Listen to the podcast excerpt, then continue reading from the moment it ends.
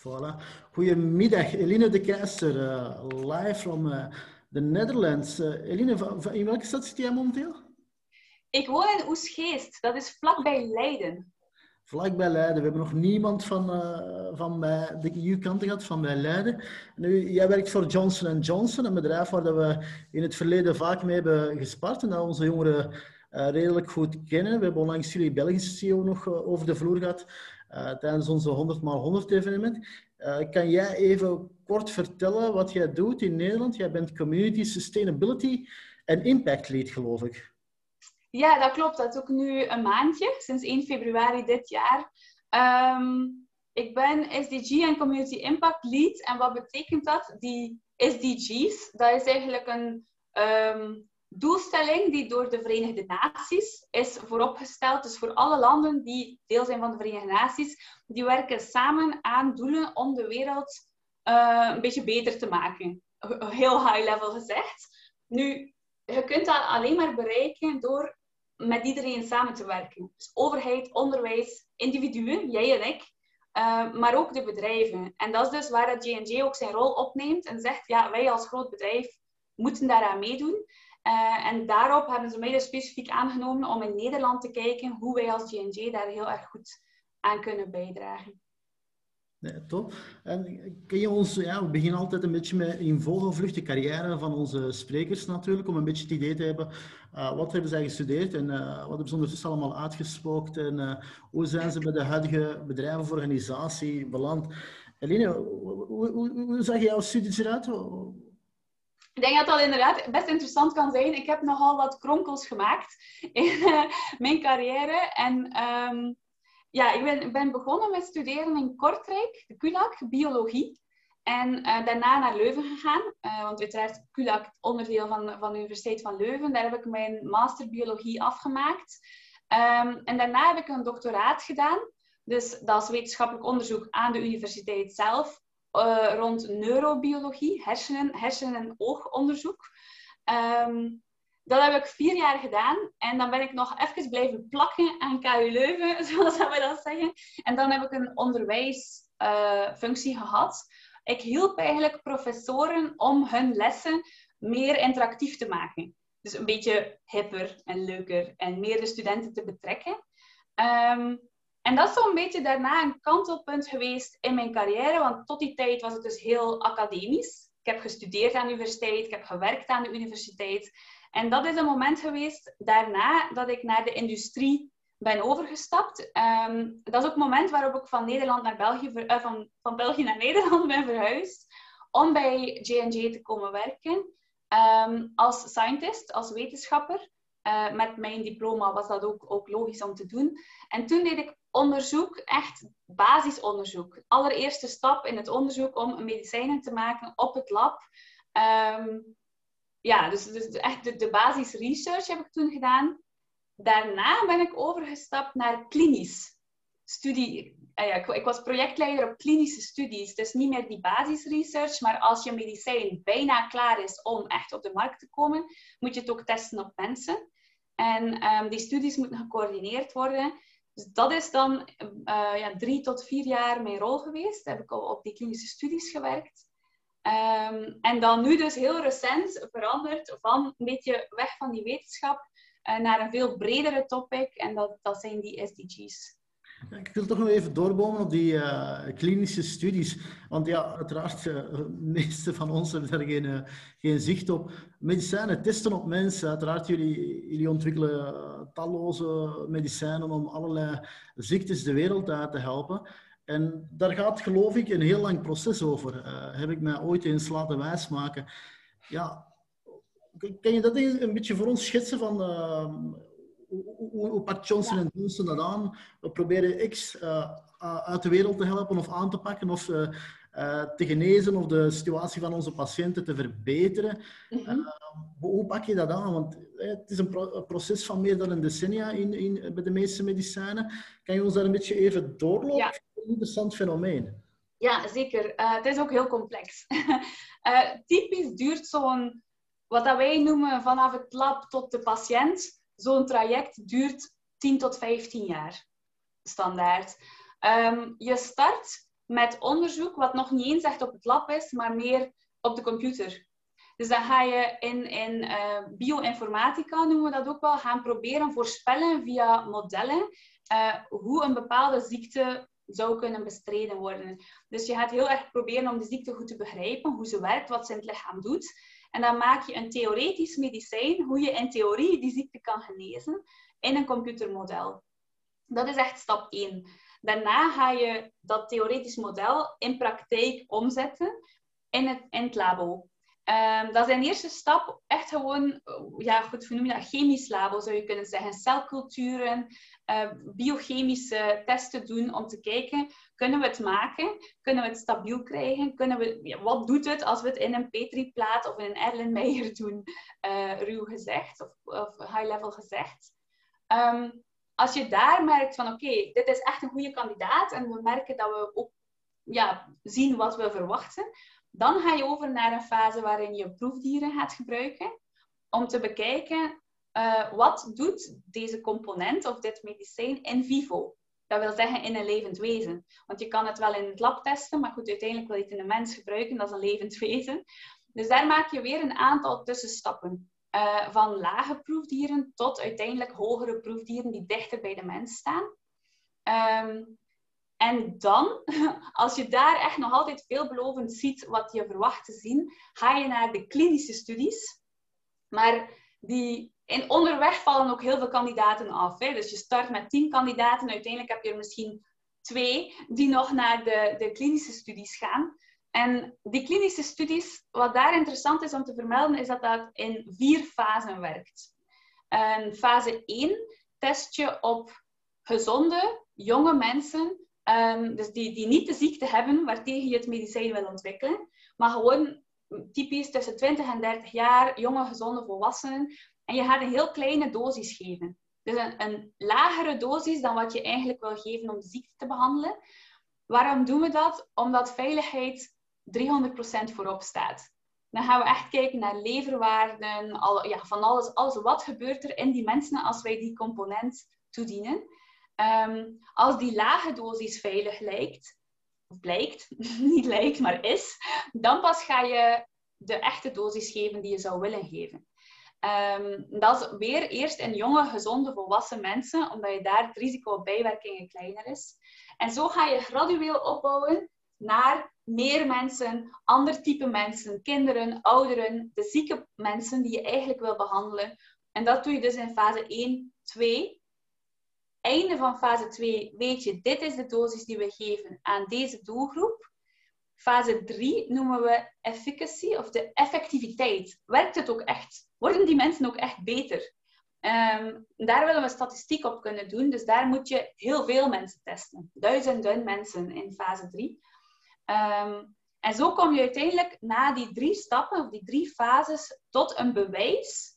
Dit medicijn is veilig in gezonde volwassen mensen, maar ook in de doelgroep, dus ook in de zieke mensen aan wie we het eigenlijk willen geven. En we bewijzen, het is effectief. Die mensen worden ook echt beter. Daar rond maak je een dossier. En dat dossier gaat dan naar de, we noemen dat regulatory agencies. Dus daar, daar hoor je nu veel over in het nieuws ook. Dat is de FDA voor Amerika en de EMA voor Europa. Zij gaan dat dossier helemaal doorspitten om te beoordelen of, wat dat wij, of dat we alle stappen gedaan hebben, of onze data echt bewijzen dat ons product doet wat het doet en dat het veilig is. En als we dan goedkeuring hebben, dan kan het medicijn inderdaad op de markt komen en um, kunnen mensen het gaan gebruiken. Um, ik had gezegd vier fasen, terwijl ik er nu nog maar drie heb. uh, fase vier, dat is alles wat we na, op het, nadat we op de markt gekomen zijn, wat we dan nog verder onderzoeken. Waarom doen we dat? Eens we op de markt zijn, gebruiken mensen ook echt ons medicijn en blijft dus meer en meer data worden beschikbaar. Dus we blijven dat opvolgen om te zien ja, dat het ook blijvend doet wat het moet doen. Maar ook om eventueel te leren en het nog te kunnen verbeteren voor een nieuw middel. Um, ik denk dat dat een beetje de, de, de, de ja, storyline is van de, ja, het traject dat doorlopen wordt om zo'n medicijn op de markt te brengen.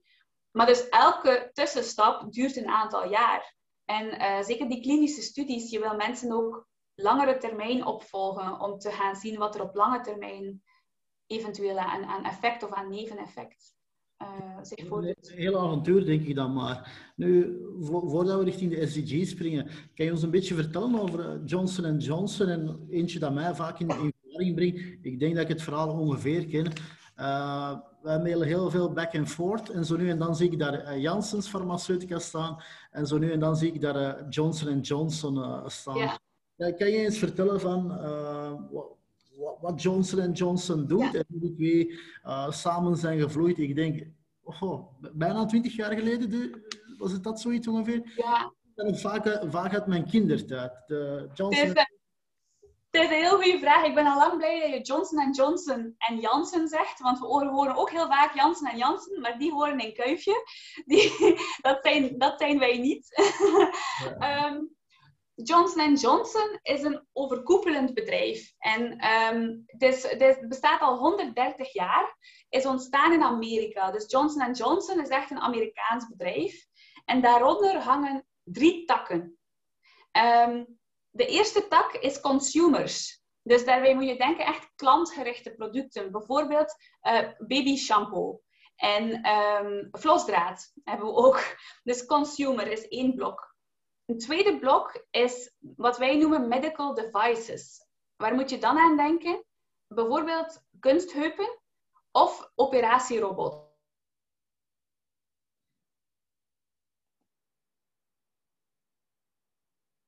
Maar dat is dus de pharmaceutical kant, de medicijnen. En daaronder vallen inderdaad de medicijnen, vaccins, uh, dat, soort, dat soort echt ja, medicijnachtige producten. Dus waar we het tot nu toe over gehad hebben, was inderdaad iedere keer die Janssen-tak. Maar Janssen is dus een derde van de takken van J&J. Nu, J&J zit wereldwijd. En um, eigenlijk is het een soort umbrella, een, een, echt een paraplu van andere bedrijven die er allemaal onder hangen. Um, en één daarvan is Janssen Pharmaceutica, die in België onder Dr. Paul Janssen ontstaan is, maar uiteindelijk versmolten is en opgenomen is in J&J. Um, ehm, het voordeel aan zo'n grote paraplu is dat je samen gewoon meer kan bereiken. Want je, je, je kan leren, ja goed, um, al, allerlei processen eigenlijk, waar een ander departement weer meer ervaringen heeft, daar kan je op meeliften en je hoeft niet alles zelf te doen.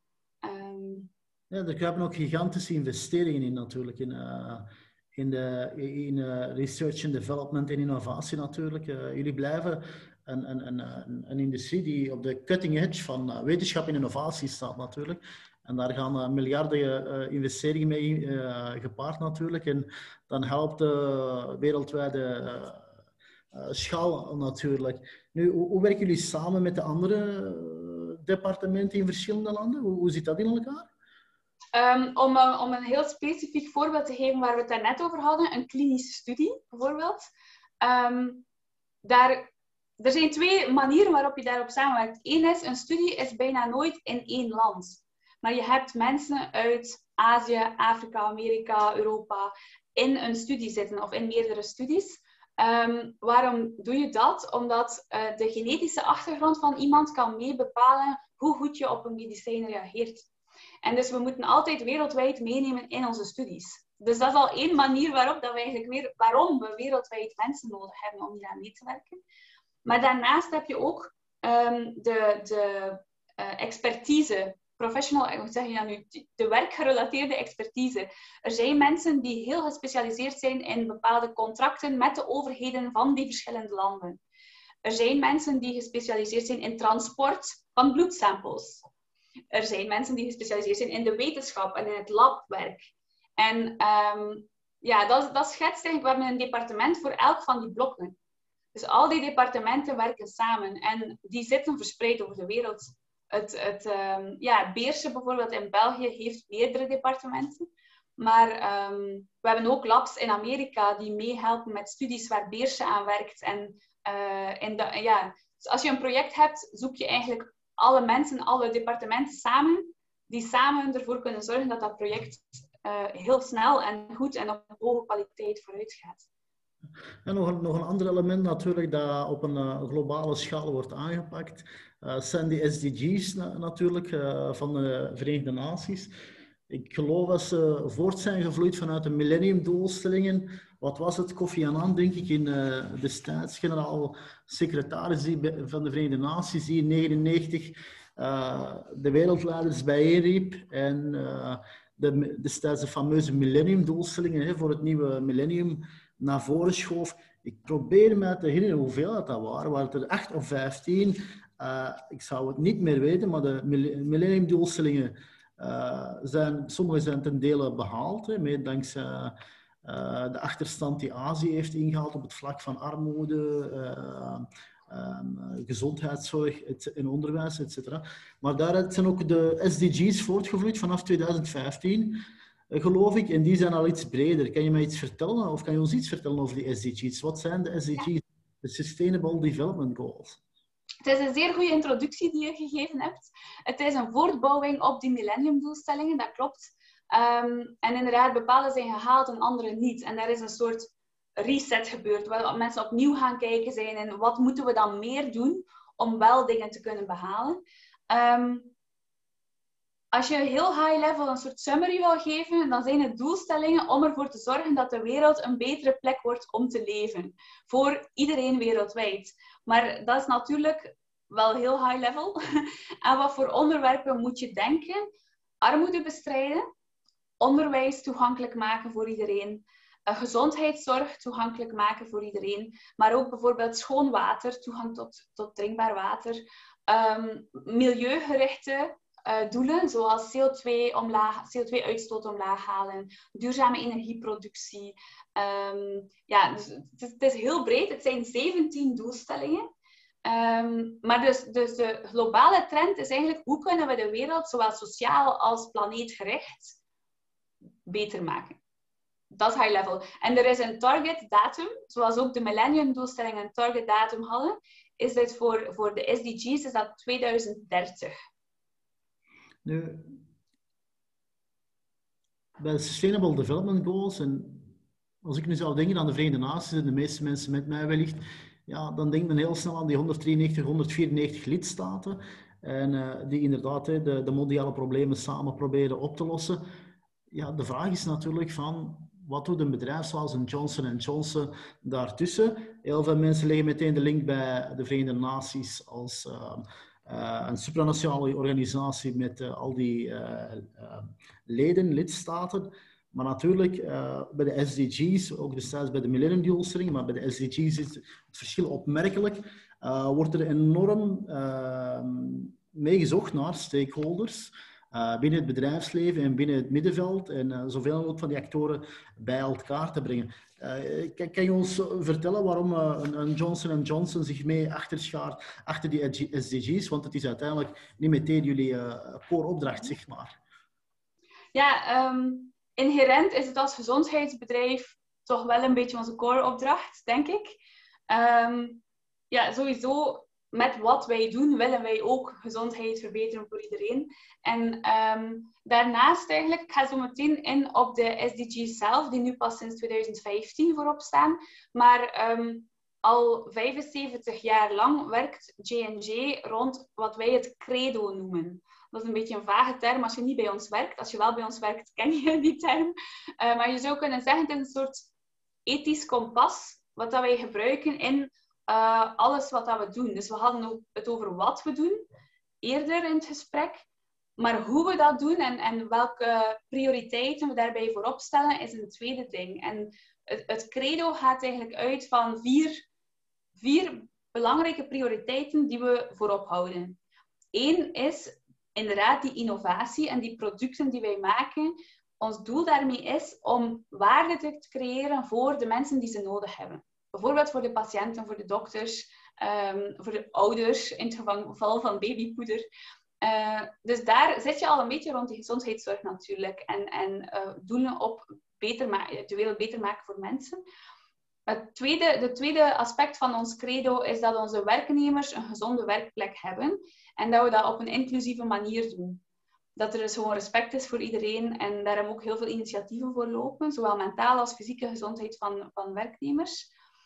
En dan de derde, en hier ga je ook heel erg richting die SDG's al, uh, dat is dat we instaan voor de maatschappij en de wereld om ons heen. En dus is 75 jaar geleden al had, J&J eigenlijk zo'n guideline dat we ook in de community waarin ons bedrijf zich bevindt, dat we ons daarvoor inzetten. We werken daarvoor samen met NGO's bijvoorbeeld. Ehm, en dan pas op de vierde plaats van die prioriteiten in onze, in onze, in ons intern kompas, zoals we dat noemen, staan de aandeelhouders. En waarom staan die op de vierde plaats? Omdat wij oprecht geloven als je 1, 2 en 3 voor ogen houdt. En dus innovatie uh, nastreeft met gezonde werknemers, waar je respectvol met elkaar omgaat en instaat voor de planeet en de mensen om je heen, dat de business dan draait. En dat dus die stakeholders of die, of die aandeelhouders, moet ik zeggen, dat, dat, dat die business ook gewoon goed gaat. Um, dus dat was even één stap terug. Dat is niet SDG geweest, maar dat is wel gewoon intern J&J. Dus ik denk dat dat... Johnson Johnson. Dus People, Planet, Prosperity. Inderdaad, inderdaad. Ja. Voor de SDG's er waren, hadden wij ook... Je hebt, je hebt financial reporting, dus hoe gaat het met de business. Je hebt ook zogenaamde non-financial reporting. En dat is People, Planet, Prosperity. Of voor de SDG's was People, Planet, Profit. Um, dus we doen dat eigenlijk gewoon al langer. Nu, wat is er veranderd met de SDG's die erbij gekomen zijn? Het biedt een heel handige taal. Uh, een, heel veel mensen, zowel intern als vooral ook extern, kennen de SDG's, kennen het, het beeld van die 17 gekleurde vakjes, weten waar het voor staat. En dat biedt ons heel veel, ja, dat is heel handig om daar rond te werken als je dezelfde taal spreekt.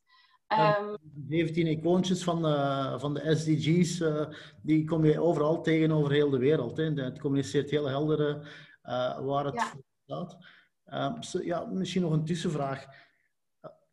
Met, met, met, wie werken jullie allemaal rond die SDG's? Want uiteraard, jullie implementeren dan intern. Ehm, jullie hebben bepaalde doelstellingen, bepaalde thema's waar jullie extra aandacht aan geven.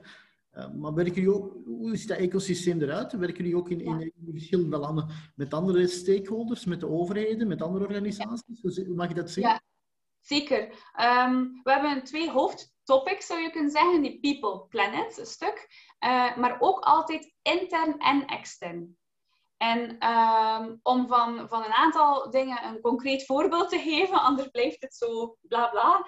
Um, bijvoorbeeld voor, voor voor planeet, laten we daarmee beginnen, werken we, hebben we bijvoorbeeld op de campus in Beersen een geothermie-project gehad, waarin dat ze dus geothermische energie zijn gaan opwekken om de, de productiesite en de labs en eigenlijk alles wat we in Beersen hebben, van energie te voorzien. Dat soort projecten doe je ook samen met overheden, universiteiten die daar kennis van zaken hebben, die daar dingen vragen. In Nederland hebben we bijvoorbeeld een Green Deal die vanuit de Nederlandse overheid komt. En waarbij je, dat je dus eigenlijk samen rond tafel gaat zitten met wij, wij zelf, maar ook andere bedrijven die proberen groener te worden, zodanig dat je van elkaar kan leren. En daar wordt ook gewoon heel open, dat is heel anders dan een, een patent wat je op een medicijn hebt. Dit zijn doelen die je gemeenschappelijk hebt. Dus daar wordt gewoon open over gecommuniceerd. Hoe doen jullie dat? Hoe doen wij het? Hoe kunnen we leren van elkaar? Uh, en hoe kunnen we allemaal bijdragen aan eigenlijk ja, wij in Nederland dan met de Nederlandse overheid en die weer met de VN, net als Beersen in België met de Belgische overheid met de VN. Ehm, dus dat, dat, is voor planeet, denk ik, waar je ziet dat het zowel intern is, heel concreet op ons eigen site geothermie gaan doen, en extern die communicatie met de externe uh, stakeholders, overheid en andere bedrijven. Ehm, voor, voor het sociale stuk kan ik ook wel een, een heel mooi voorbeeld geven. We hebben bijvoorbeeld een partnerschap met IMC Weekend School in Nederland en TADA in België. Um, zij zetten zich in voor, voor kansarme jongeren om hen ook in contact te brengen met bedrijfsleven en dat soort dingen. Dat is lagere schoolniveau. Of, of leeftijd, moet ik zeggen. Um, wat doen we daar? We laten eigenlijk onze eigen werknemers mee lessen organiseren, mee bijles geven. Dus dat is echt een gemeenschappelijk doel rond die onderwijs beschikbaar maken voor iedereen en die, die carrièrekansen, carrièreperspectief bieden voor die kansarme jongeren. Uh, wat dat wij daar als J&J doen is zowel contractueel support geven aan de NGO, maar ook onze eigen medewerkers zeggen, kijk, ga daar maar vrijwilligerswerk doen. Um, dus ja, en we hebben, we hebben ook bijvoorbeeld, want dat is dan NGO, J&J. In België is er ook een consortium opgericht met een heel nieuwe website. Dat is geniaal. Waarin echt overheid zit daarin, onderwijs zit daarin, bedrijven zitten daarin. Dus dat is echt een consortium waar je iedereen samen wil die, die ja, wetenschap en techniek en carrièreperspectief en dergelijke naar jongeren brengen. En ook specifiek naar meisjes, als het dan over science, wetenschap gaat. Uh, omdat je toch ziet dat die meisjes daar vaak ondervertegenwoordigd zijn. Um, dus daar is een heel groot consortium opgericht. Overheid, uh, onderwijs, NGO's en uh, bedrijven, wij zelf, maar dus ook ons eigen concurrenten als het op vlak van, van medicijnen of van producten aankomt. Ja, we zien elkaar niet als concurrent als het hierover gaat. En dat vind ik persoonlijk iets heel mooi om te zien. En eh, heel boeiend. Ik geloof dat we morgen nog een call hebben met een van de andere mensen die in uh, een van de andere bedrijven die mee in zit, BASF. In, uh, de, dat is geniaal. Hè? Een prachtig project. Uh, om jonge mensen en jonge dames enthousiast te krijgen rond de, de stemrichtingen onder meer. Dus again, en zeker op deze internationale vrouwen, denk ik dat ja.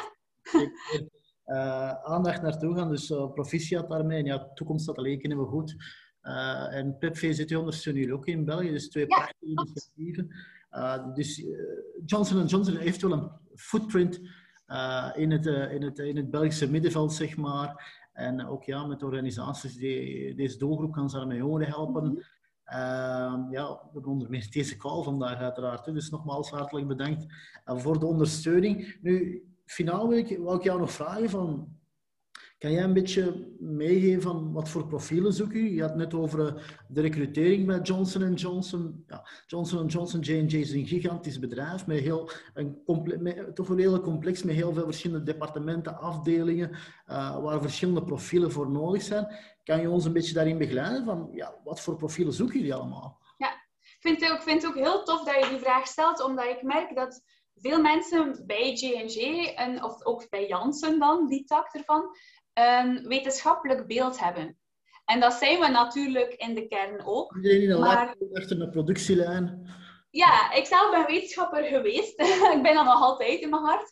Maar um, we hebben gewoon heel veel verschillende profielen. En dat is dus leuk om, om dat even te benadrukken. Je hebt die wetenschappelijke profielen en de niet-wetenschappelijke profielen. En uh, binnen elk van die profielen heb je meer um, bureaubanen, bureaujobs, versus mensen die echt dingen doen.